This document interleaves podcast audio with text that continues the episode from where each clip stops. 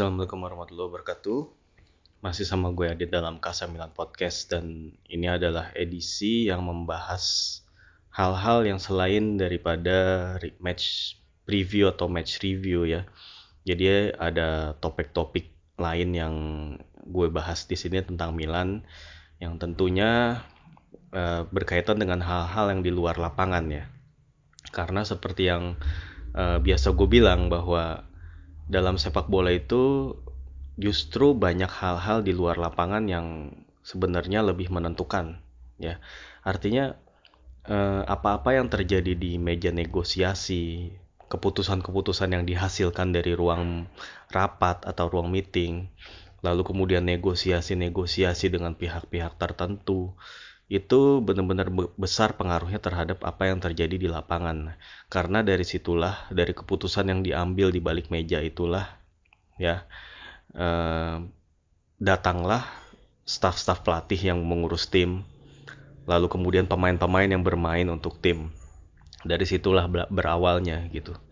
Jadi emang eh, kalau kita lebih banyak atau lebih apa namanya kayak lebih menarik untuk ngebahas tentang apa yang ada di dalam lapangan, tentunya kita juga nggak bisa mengabaikan apa-apa yang terjadi di luar lapangan itu karena apa yang di luar lapangan itu menjadi sebab atau menjadi alasan eh, apa hasil-hasil yang diraih di lapangan. Artinya kalau sebuah tim itu punya apa prestasi yang bagus, tentunya tim ini sudah pasti punya manajemen yang bagus ya. Begitu juga sebaliknya kalau tim punya manajemen yang buruk ya itu hampir pasti juga tim uh, di atas lapangan performa tim itu akan mengikutinya gitu. Um, ngomong-ngomong soal Milan ya gue udah kemarin ngelempar topik sih. Ada beberapa yang gue apa namanya gue lempar polling kecil-kecilan lah ke teman-teman pendengar Kasamilan Podcast yaitu topik apa yang dibahas? Yang pertama tentang culture sejarah ataupun tentang uh, apa namanya tentang fans. Yang, yang kedua tentang finansial yang ketiga tentang uh, taktik gitu. Ternyata dari hasil polling yang gue dapet ini yang paling banyak adalah pengen ngebahas tentang taktik yang kedua tentang sejarah, yang ketiga tentang finansial. Walaupun angkanya ini sebenarnya nggak nggak jauh beda ya, angkanya tipis gitu. Artinya hasil polling ini sebenarnya menurut gue nggak mencerminkan uh, bahwa apa ya semua yang dengerin Kasamilan podcast ini pengen gue fokus untuk ngebahas satu hal, tapi berarti ada keinginan nih daripada pendengar untuk ngebahas hal-hal yang tadi gue bilang gitu. Bahkan ada yang di luar di luar topik ini juga ada sih. Ada beberapa yang mention ke gue. Contohnya ngebahas tentang pemain akademi. Ya. Ada juga tentang ngebahas tentang Zlatan Effect ada juga tentang Ultras Kurvasut. Ya. Terus kalau sejarah eh, bahas tentang zamannya Nerio Rocco. Wih mantep. Lalu kemudian bahas tentang pamor seri A ke depan seiring kedatangan bintang-bintang tua kayak Ibra dan CR7. Lalu tentang Jack Bonaventura, banyak lah sebenarnya.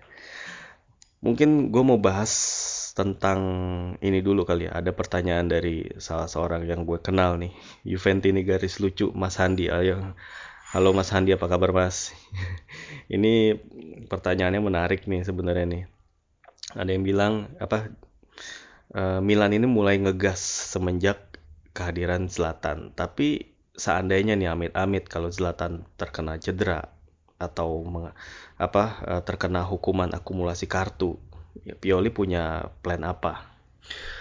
Uh, sebenarnya gue juga sempat ngebahas soal ini sih di mana apa namanya bagaimana sekarang udah ada Zlatan nih gimana kalau Zlatan tiba-tiba absen karena kita juga harus memaklumi bahwa Zlatan ini biar bagaimanapun hebatnya dia gitu dia udah berusia 38 tahun dan usia itu nggak nggak bisa bohong ya faktor usia itu.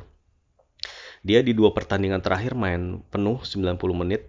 Ya, dia kem kemarin kena kartu kuning pas lawan uh, Udinese ya.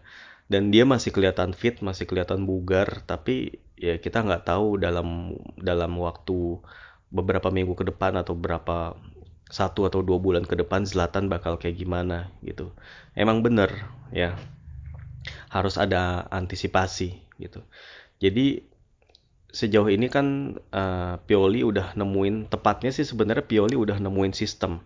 Ketika Zlatan hadir itu Zlatan udah kayak menjadi uh, point of reference atau menjadi pemain yang emang uh, dituju. Artinya uh, di benak para pemain lain nih udah ada sosok Zlatan yang emang udah akan siap untuk menerima bola, akan siap untuk menyelesaikan peluang sebagai ujung tombak. Atau Zlatan juga selain menjadi ujung tombak, dia juga bisa ngebantu ngalirin bola. Dia artinya bisa ngelakuin segalanya di lini depan dan ini udah kayak keunggulan. Artinya secara mental dalam alam bawah sadar pemain-pemain Milan itu udah kayak tahu wah gue punya Zlatan di tim gue nih. Tinggal bagaimana gue bagaimana cara gue untuk ngasih bola ke dia gitu. Bagaimana jika sosok itu eh, tiba-tiba udah nggak ada lagi di lapangan gitu. Misalnya karena satu dan lain hal karena dia absen karena cedera ataupun kena hukuman ya. Uh, tentunya menurut gue apa yang udah dilakukan Zlatan ini sangat positif dan sebagai gantinya ya kalau kalau pembawa aura positif ini nggak hadir, tentu ada pengaruh. Jelas ada pengaruh. Ya. Tapi pastinya Stefano Pioli udah menemukan pakem yang pas yang kemudian bisa membuat pemain-pemain lain itu bisa tampil bagus, bisa tampil uh, sesuai dengan kemampuan terbaik mereka ya seperti Castillejo, Ante Rebic. Pemain-pemain ini sudah pasti bisa menjadi penentu setidaknya menggantikan role-nya Zlatan sebagai penentu. Uh, si Rebic, si Castillejo dan Leao terutama. Dan jangan lupa masih ada Piontek. Sampai sekarang sih masih ada Piontek yang nggak tahu kalau dalam beberapa hari atau beberapa minggu kemudian dia dijual. Tapi masih ada Christoph Piontek yang yang kalau menurut pandangan gue dia masih punya kualitas untuk bisa uh, membantu tim ini untuk mencetak gol. Artinya waktu lawan Spal pun ya Christoph Piontek uh, ditampilin dari menit awal dan dia bisa bikin satu gol dan satu assist. Bahkan kalau dia lebih tenang, dia harusnya bisa bikin satu tambahan satu atau dua gol lagi gitu. Jadi menurut gue uh, absennya Zlatan ini menurut bisa diatasi ya selama sistem permainan udah ditemukan dan menurut gue sih pelan pelan tapi pasti sistem pola pola 442 ini yang kemudian juga di atas lapangan aplikasinya tuh bisa kayak berganti ataupun hybrid jadi 433 atau 4231 gitu ya. Ini udah lumayan bekerja dengan baik sih. Terutama kalau misalnya ada Rebic dan juga si Castillejo uh, artinya si uh, Leao tuh akan turun turun menjadi pemain yang ada di belakangnya si penyerang utama ya. Jadi membentuk formasi 4-2-3-1 itu menurut gue variasi jadi lebih banyak di sini. Dan kalau seandainya Milan bisa nemuin uh, pendamping apa pendamping Ismail Benacer ya selain Frank Kessie artinya pemain yang punya physical presence yang sangat-sangat terasa di situ sehingga memudahkan Benacer untuk naik lebih naik dan juga uh, membantu serangan itu menurut gue akan ngebantu Milan banget sangat signifikan pengaruhnya. Gitu. Dan jangan lupa Milan juga punya sosok seperti Theo Hernandez yang sebagaimana kita tahu dia adalah top skor sementara Milan. Ya ini tentunya kalau sebuah tim ini top skornya adalah seorang back tentu ada blessing in disguise tapi juga bisa kita bisa bilang ada sesuatu yang salah. Tapi emang sejauh ini ya emang begitu adanya ya. Bukan karena penyerang-penyerangnya yang jelek-jelek banget. Sekarang sih udah mulai naik gitu. Kepercayaan diri para penyerang Milan gue yakin udah berada di level yang cukup baik sekarang. Cuman emang Theo Hernandeznya aja yang menurut gue terlalu tajam terlalu tajam gimana ngomongnya? Kok ya emang dia ternyata tuh punya talent yang sangat-sangat pas untuk tim ini untuk kompetisi Serie A. Dan akhirnya membuat dia bersinar gitu gue justru lebih khawatir kalau Theo Hernandez absen sih terus terang. Ya. Dari uh, ya Ibra absen juga ini mengkhawatirkan kalau misalnya berabsen tapi kalau Theo Hernandez absen gue lebih khawatir. Gitu. Oke gue rasa sih itu aja ya. Lalu kemudian ngebahas tentang Primavera nih. Ngebahas yang tentang Primavera. Uh, gue juga aware bahwa dalam beberapa tahun ke belakang ya kayaknya lulusan Primavera Milan itu bener-bener jarang yang bisa bersinar gitu. Kemarin-kemarin sih ada dalam setahun dua tahun lalu sih ada selain Donnarumma ya, Donnarumma itu juga ada Locatelli, ada siapa namanya Calabria, sempat ada Raul Belanova, ya, ada Mark Brescianini, tapi dari nama-nama itu sejauh ini hanya Donnarumma sih yang benar-benar bisa diandelin ya. Youth product yang bisa diandelin dan benar-benar punya kelas gitu. Calabria sebagaimana kita kita tahu masih berjuang dengan konsistensi. Lalu kemudian Brescian ini belum dapat kesempatan, Locatelli udah pindah ya. Belanova juga udah pindah ya. Masih ada Daniel Maldini sebenarnya punya potensi. Sebenarnya pemain-pemain yang ada di Primavera sekarang punya potensi gede. Ada Daniel Maldini, ada Luan Capani, ya itu menurut gue punya potensi yang cukup gede apalagi Luan Kapani gue tahu ya cukup produktif dan bisa dia tuh bisa bikin gol dengan cara-cara yang sangat stylish ya dia bisa bikin gol dengan ngechip bola atau dengan teknik paloneto ya sebagaimana kita tahu itu adalah teknik yang sulit untuk membuat gol dan uh, Kapani itu kayaknya udah udah cukup terbiasa untuk bikin gol kayak gitu. Ini indikasi yang bagus. Begitu juga Daniel Maldini bisa beberapa kali gue lihat bikin gol dari tendangan bebas. Ini adalah sebuah indikasi bahwa dia adalah pemain dengan kemampuan teknik yang luar biasa. Tapi emang uh, memainkan pemain-pemain Primavera itu adalah perjudian sih karena sekarang-sekarang ini Milan nggak punya kemewahan untuk nyoba itu ya kalau gue bilang. Karena Milan lebih butuh hasil sekarang tuntutan untuk mendulang poin demi supaya posisi di klasemen itu naik ya itu lebih besar gitu. Dan rasanya akan sulit kalau berjudi mengandalkan pemain-pemain Primavera. Inilah situasi yang terjadi gitu. Di mana ya ini bukan hal yang baik sebenarnya tapi tentunya karena ada tuntutan result ada tuntutan untuk bisa melaju ke kompetisi Eropa gue rasa ini akan sedikit menghambat lah. Kecuali mungkin kalau nanti di akhir-akhir musim misalnya posisi di klasemen udah kayak conclude baru deh kayak Pioli tuh bisa kayak nyelipin satu dua nama gitu. Misalnya Maldini kayak Kapani kayak atau Brescianini itu untuk bisa uh, mendapatkan menit bermain gitu ataupun Gabia ya Gabia cuman sayangnya tuh di uh, isunya bakal dipinjemin nih. Tapi emang balik lagi ke kebutuhan, Milan emang butuh center back yang benar-benar siap pakai, punya speed ya. Kemarin tuh Simon Kjaer walaupun walaupun dia bagus, dia punya ketenangan tapi dia punya masalah dalam speed ya.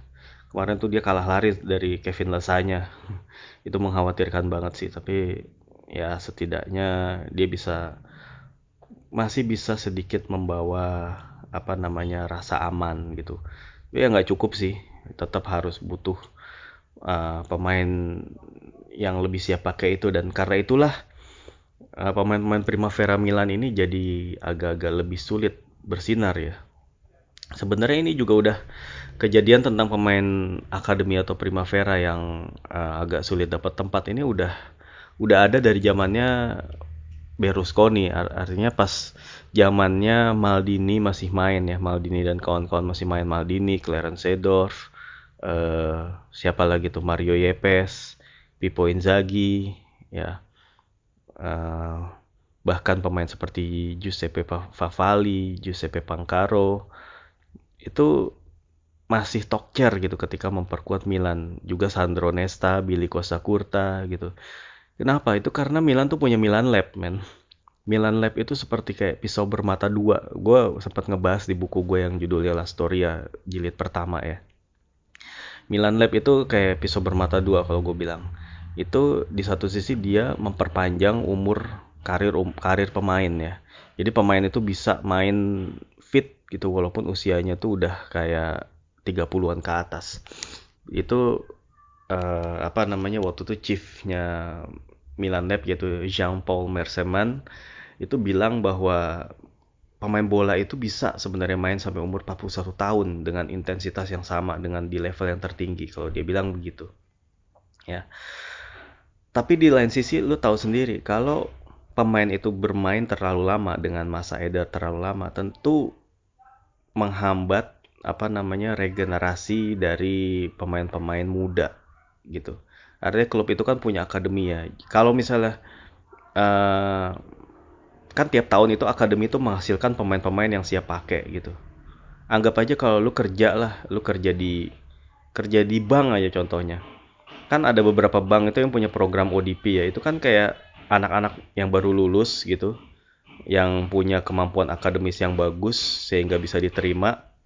Tapi kemudian kan PR selanjutnya dari si perusahaan tuh adalah kalau pas si para ODP ini udah di apa namanya atau ODP atau di perusahaan lain misalnya MT lah manajemen trainee ya orang-orang ini udah di training ya itu kan terutama divisi HRD itu kan punya PR untuk nempatin mereka ke mana nih sementara uh, di di posisi-posisi yang akan ditempatin itu masih ada karyawan-karyawan yang belum pensiun gitu yang masih dalam usia produktif belum pensiun nah itu sama halnya dengan di Milan jadi ada banyak banget nih kayak lost generation bisa dibilang dari pemain-pemain akademi yang uh, soalnya Maldini dan kawan-kawan itu bisa dua dekade main di Milan gitu. Sementara dalam dua dekade itu muncul pemain-pemain lulusan akademi yang sebenarnya punya potensi tapi nggak bisa dapat kesempatan gitu. Contoh pemain kayak almarhum Davide Astori. Itu dia bersinar di klub lain di Roma, di Fiorentina gitu. Lalu kemudian Pierre Aubameyang itu itu kan juga lulusan Akademi Milan yang kemudian dia pindah ke Sang Etienne, kemudian ke Borussia Dortmund dan sekarang di Arsenal. Gitu. Lalu kemudian pemain seperti Marco Donadel, uh, siapa lagi Matteo Darmian, siapa lagi uh, Simone Verdi, banyak lah gitu. Banyak kalau mau cari tahu siapa-siapa Akademi Milan. Bahkan di Spal itu tuh ada tiga pemain yang jadi tumpuan uh, yang juga mantan Akademi Milan yaitu si Mattia Valotti, terus si Andrea Petanya dan ada Paloski. Paloski itu masih main di Spal nggak sih gue lupa. Pokoknya Alberto Paloski lu pasti tahu. Nah inilah yang kalau gue bilang membuat uh, Milan itu agak sulit ya untuk uh, memasukkan setidaknya beberapa nama pemain akademi gitu. Ini juga terjadi di kepelatihan Pippo Inzaghi. Waktu itu Inzaghi kan sebagaimana kita tahu dia kan lulusan atau bekas pelatih tim akademi ya harusnya dia lebih bisa lebih tahu tuh bisa lebih tahu eh, pemain-pemain yang bagus gitu seperti Kutrone ya sayangnya Kutrone udah dijual uh, Kutrone itu dulu anak didiknya Inzaghi yang padahal di Primavera tuh dia rekor golnya tuh luar biasa gitu. Tapi emang dia masih terlalu muda ya sehingga si Pipo kemudian nggak nggak berani untuk mainin dia. Begitu juga pemain-pemain yang lain lah. Waktu di zamannya Pipo ngelatih itu dia akhirnya nggak berani untuk nurunin pemain-pemain akademi. Dia cenderung mainin pemain-pemain tua ya. Di gelandang dia lebih nurunin kayak Nigel Diong, Suli Muntari, Michael Essien. Itu benar-benar nggak mencerminkan regenerasi karena emang dituntut untuk menang gitu. Dan Pipo itu nggak mau ngambil apa nggak mau berjudi istilahnya untuk mainin pemain-pemain yang udah pernah dia orbitkan gitu. Ya ini emang pilihan sih. Kita nggak bisa menyalahkan pilihan ya. Tapi kalau emang Rizal udah berbicara ya mau dikata apa? Tuh. oke ini kalau soal akademi. Sekarang kalau gue akan ngebahas tentang taktik taktik yang kayak gimana sebenarnya gue gue sendiri kurang spesifik sih pada saat gue ngelempar polling tuh taktiknya taktik seperti apa gitu taktiknya Stefano Pioli gitu maksudnya ya Hmm, kalau bicara taktiknya Stefano Pioli seperti yang gue udah bahas itu kan dia pakai modul 442 ya. Tapi sebagaimana juga pernah gue bahas, yang namanya formasi itu adalah bentuk, hanya bentuk. Ada yang lebih mendalam daripada formasi yaitu strategi atau yang lebih mendalamnya lagi filosofi. Bagaimana pemain-pemain itu gerak ya. Ya sebuah tim nih kalau dalam pertandingan boleh sama-sama pakai 4-4-2, sama-sama pakai 4-3-3. Tapi kenapa hasilnya bisa beda? Karena strateginya beda gitu. Artinya ketika sebuah tim ini strateginya itu benar, ya otomatis apa yang ditampilkan di lapangan akan lebih baik. Ya. Stefano Pioli ini uh, bukan pelatih yang punya style, dia tuh pelatih menurut gue pelatih yang pragmatis, tetaplah seperti pelatih Italia pada umumnya, tapi dia punya sedikit ya, ada sedikit style lah dia gitu style nyerang menurut gue yang cukup dominan di dia gitu dengan dia uh, banyak nurunin pemain-pemain yang bisa ngebawa bola.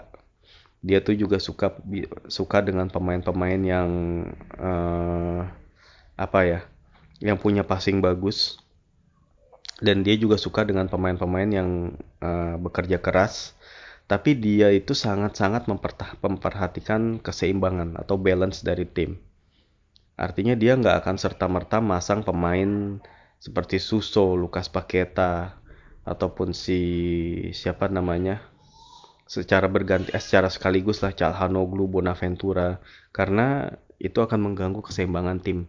Jadi dia pasti akan memasang pemain seperti Kessie untuk ngebuat tim ini seimbang. Jadi untuk ngebuat tim ini nggak apa namanya nggak terekspos ketika diserang balik gitu.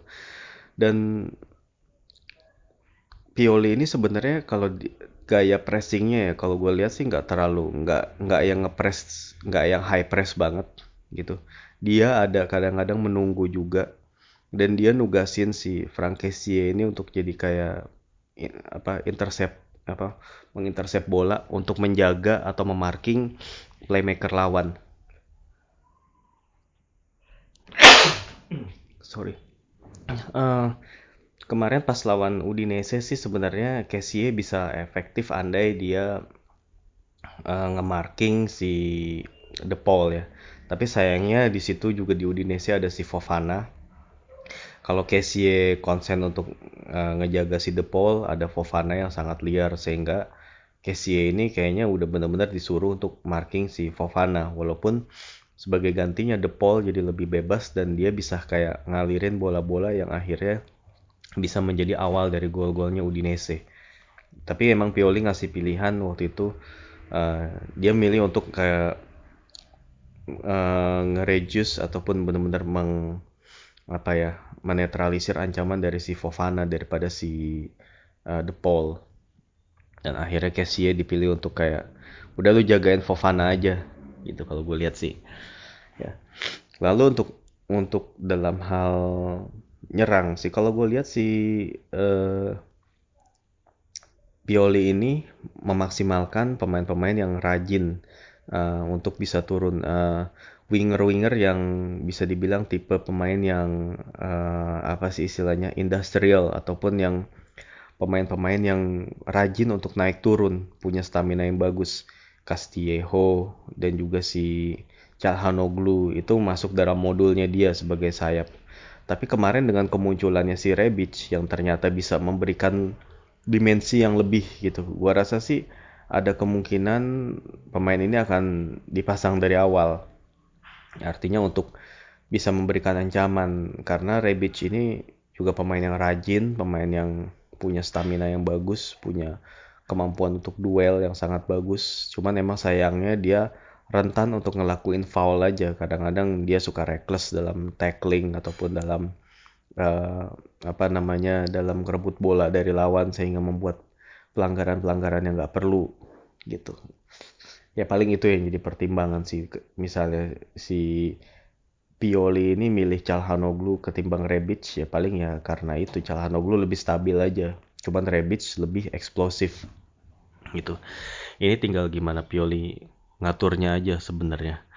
Nah, ini kemudian membawa kepada topik Jack Bonaventura. Nah, ini menarik nih.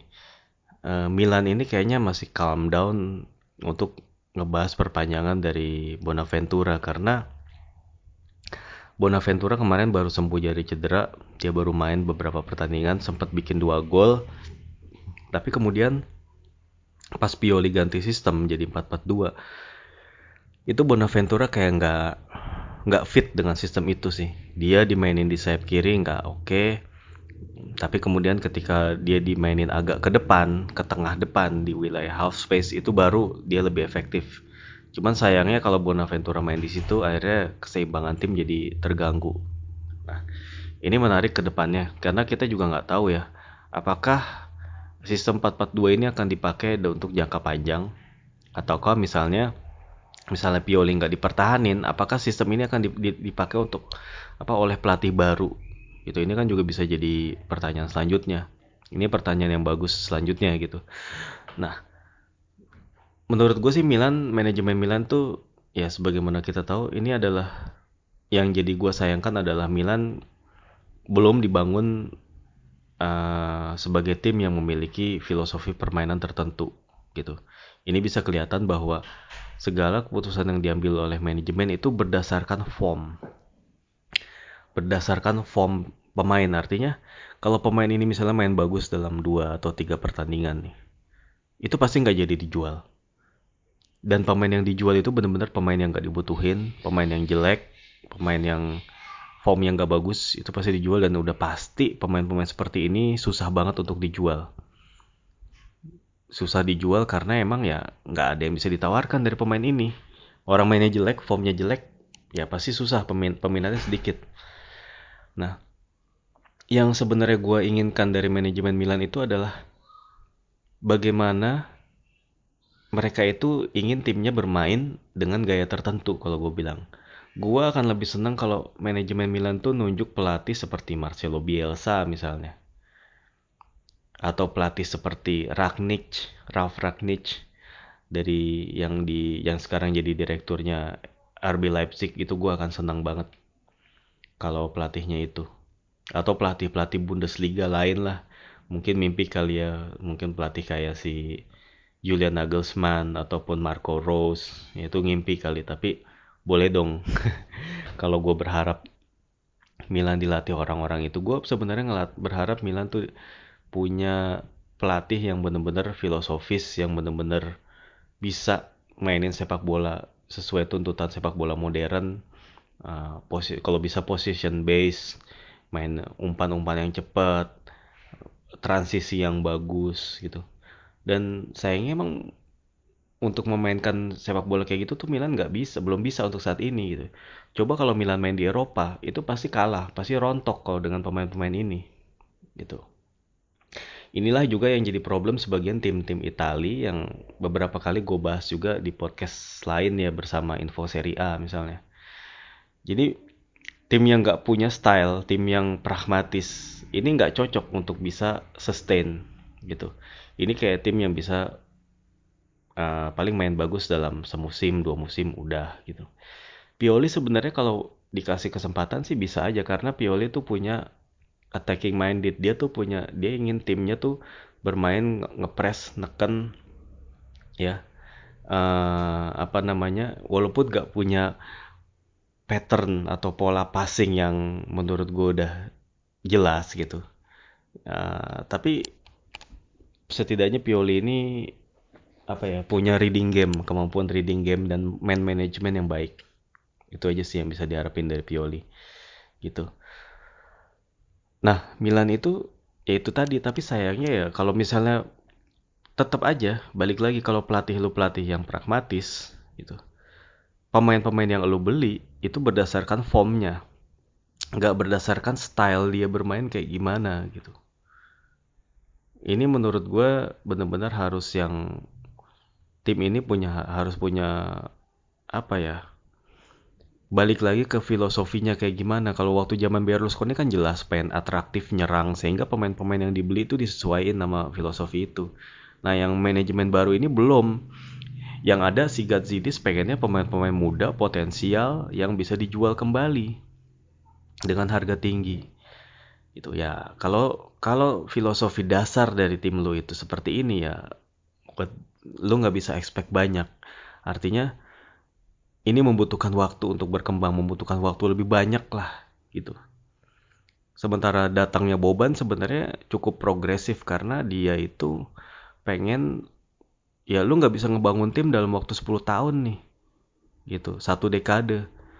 Lu ngebutuhin pemain-pemain senior dan akhirnya si Gazidis mau berkompromi dengan apa yang di apa dimaui Boban gitu. Artinya Boban ini sebenarnya punya visi yang bagus Maldini juga punya intuisi yang bagus dalam menilai pemain kalau gue bilang. Seperti halnya yang dia dapetin Theo Hernandez ya. Itu kan hasil bener-bener pengamatan jeli dari dia. Kalau Boban dengan visinya apa kayak dia bisa dia berani kayak ngomong ke Gazidis bahwa kita punya kita butuh pemain yang lebih senior gitu. Artinya Boban adalah sosok yang berani, sosok yang dia juga bisa ngeyakinin atau ngedatengin pemain-pemain dari negara asalnya Kroasia untuk bisa memperkuat Milan. Itu ada satu keunggulan. Cuman emang uh, Maldini dan Boban ini emang butuh waktu. Mereka benar-benar baru kali ngurus klub ya ini pengalaman pertama mereka gitu jadi kalau uh, Milanisti mau bersabar aja gitu gua rasa sih mereka punya potensi gitu ya tapi kalau misalnya pengen ambil jalan cepet kalau gue bilang ya pertama dia harus mereka harus berani nge-hire pelatih yang punya style itu. Cuman emang style itu sekali lagi mahal sih. Kalau lu ngedatengin pelatih seperti Bielsa ataupun Ragnick itu pasti ongkosnya selain gajinya gede itu juga pemain-pemain yang dia minta pasti mahal harganya. Dan itulah mungkin yang gue rasa nggak siap ya manajemen untuk itu. Dan karena itulah manajemen itu kayak ya udahlah nge-hire pelatih yang yang penting bisa dulu lah ngebawa ke Champions zona Champions League. Punya duit punya duit baru gitu tentuin style. Jadi artinya filosofi itu baru datang setelah duitnya ada. Itu mungkin ya itu mungkin yang dijalanin. Ya gue kan ya gue juga kan sebagai penonton aja gitu. Nggak nggak yang tahu apa yang terjadi sebenarnya di dalam tubuh klub gitu ya. Jadi mungkin gue cuma bisa menerka-nerka aja seperti teman-teman semua juga gitu. Ya jadi apa yang gue ulas tadi ya mungkin apa ini ya memang seperti itulah gitu. Jadi gue rasa ini untuk episode bagian pertama dari episode Kasamilan yang topik di luar match preview ini gue akhiri ya. Ini ngomongin tadi ngomongin taktik, ngomongin tentang Ibra, ngomongin tentang akademi. Mungkin di episode selanjutnya gue akan bahas juga tentang sejarah, tentang culture, tentang finansial tentunya.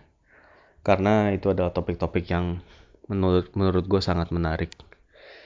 Ya, oke. Okay, uh, eh, kurang lebihnya gue mohon maaf ya atas segala kekurangan dan makasih banget uh, udah dengerin Kasamilan Podcast dan sampai jumpa lagi. Wassalamualaikum warahmatullahi wabarakatuh.